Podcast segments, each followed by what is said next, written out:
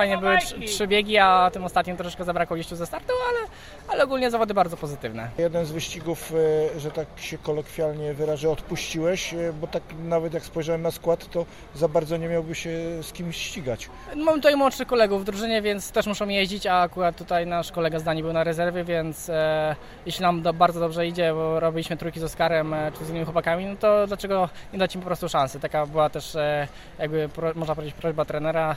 E, jak najbardziej e, też jestem za tym, żeby młodzi chłopacy się rozwijali i pomagali nam gdzieś tam ciągnąć ten wynik w zawodach U24 czy gdzieś tam w przyszłości, więc e, e, fajnie jak cała drużyna punktuje i to jest najważniejsze. Trener Stali Gorzów Stanisław Chomski, no Wiktor Jasiński powiedział, to są zawody e, dla tych zawodników też i młodszych, żeby się objeżdżali, no i dzisiaj pokazali, że drzemie w nich potencjał. To są robione kampy w Gorzowie, przegląd młodych, moim zdaniem, nadziei żużla.